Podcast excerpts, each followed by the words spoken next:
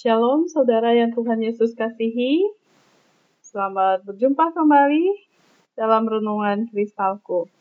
Hari sebelum kita bersama-sama akan baca dan renungkan firman Tuhan di pagi hari ini, kita bersama-sama tundukkan kepala kita, mohon pimpinan dan pertolongan Tuhan dalam doa kita. Mari kita berdoa.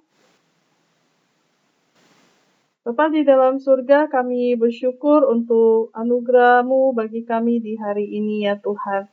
Kembali kami boleh diberikan kesempatan bersama-sama untuk datang bersekutu dan kami boleh membaca dan merenungkan firman-Mu di pagi hari ini.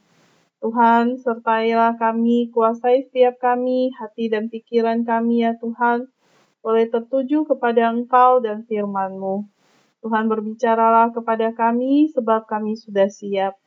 Demi Kristus Yesus, Tuhan dan Juru Selamat kami yang hidup, kami sudah berdoa. Amin.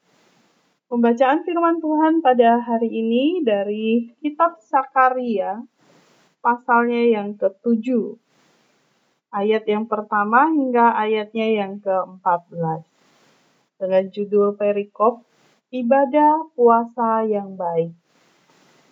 Pada tahun yang keempat, zaman Raja Darius, datanglah firman Tuhan kepada Zakaria pada tanggal 4 bulan ke-9, yakni bulan Kislew. Adapun penduduk Betel telah mengutus Sarezer dan Rekem, Melek, serta orang-orangnya untuk melunakkan hati Tuhan untuk menanyakan kepada para imam dari rumah Tuhan semesta alam dan kepada nabi demikian. Haruskah kami sekalian menangis dan berpantang dalam bulan yang kelima, seperti yang telah kami lakukan bertahun-tahun lamanya? Maka datanglah firman Tuhan semesta alam kepadaku bunyinya. Katakanlah kepada seluruh rakyat negeri dan kepada para imam demikian. Ketika kamu berpuasa dan meratap dalam bulan yang kelima dan yang ketujuh selama tujuh puluh tahun ini, adakah kamu sungguh-sungguh berpuasa untuk aku? Dan ketika kamu makan dan ketika kamu minum, Bukankah kamu makan dan minum untuk dirimu sendiri? Bukankah ini firman yang telah disampaikan Tuhan dengan perantaraan para nabi yang dahulu? Ketika Yerusalem dengan kota-kota yang dikelilinginya masih didiami orang dan masih sentosa, dan tanah Negeb dan daerah bukit masih didiami, firman Tuhan datang kepada Sakaria bunyinya. Beginilah firman Tuhan semesta alam.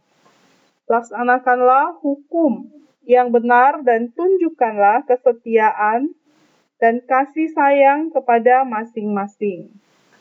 Janganlah menindas janda dan anak yatim, orang asing dan orang miskin. Janganlah merancang kejahatan dalam hatimu terhadap masing-masing. Tetapi mereka tidak mau menghiraukan. Dilintangkannya bahunya untuk melawan dan ditulikannya telinganya supaya jangan mendengar. Mereka membuat hati mereka keras seperti batu amril, supaya jangan mendengar pengajaran dan firman yang disampaikan Tuhan semesta alam melalui rohnya dengan perantaraan para nabi yang dahulu.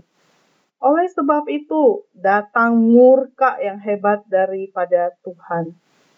Seperti mereka tidak mendengarkan pada waktu dipanggil, demikianlah aku tidak mendengarkan pada waktu mereka memanggil.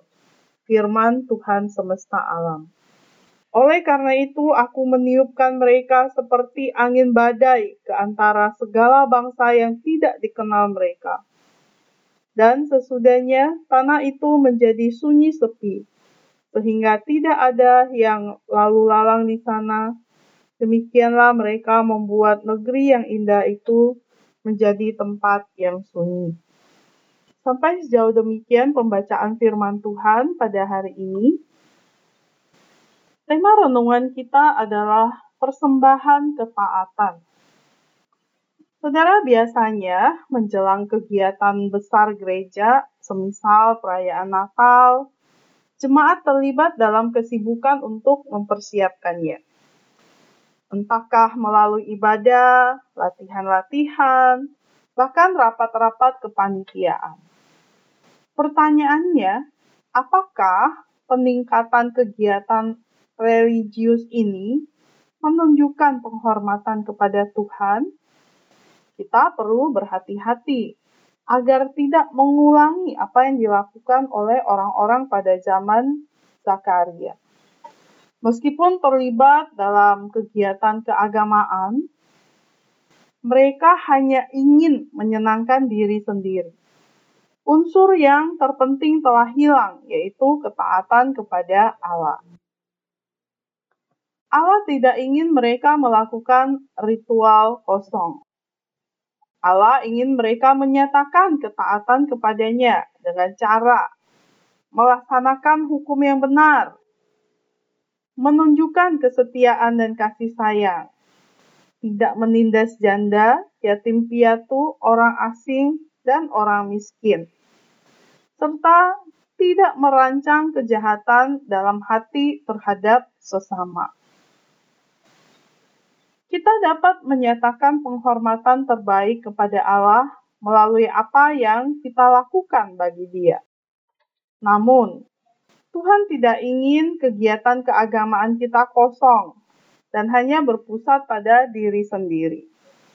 Dia menginginkan persembahan ketaatan yang dinyatakan dalam tindakan yang menunjukkan kebaikan hati dan kerelaan untuk menolong mereka yang tidak seberuntung kita.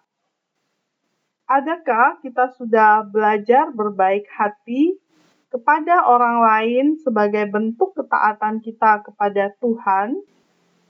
Adakah kita belajar menyenangkan Allah bukan hanya melalui ibadah, namun sikap hidup yang mengasihi sesama.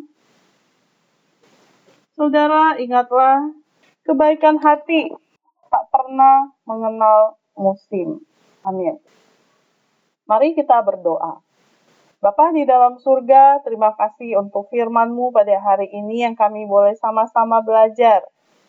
Tuhan tolong supaya kami mau taat kepada Tuhan, kami mau mewujudkan ketaatan itu lewat tindakan kami, lewat sikap hidup kami setiap hari ya Tuhan. Luruskanlah hati kami, murnikanlah motivasi kami, selidikilah pikiran kami ya Tuhan, supaya kami tidak menyimpang daripada jalanmu, tetapi kami boleh menempuh jalan Tuhan, menjadi berkat dan boleh diberkati oleh Tuhan. Terima kasih Bapa di surga, demi Kristus Yesus Tuhan dan Juru Selamat kami yang hidup, kami sudah berdoa. Amin. Demikian firman Tuhan. Selamat belajar. Bersama Yesus, aku bisa bergerak dan berubah.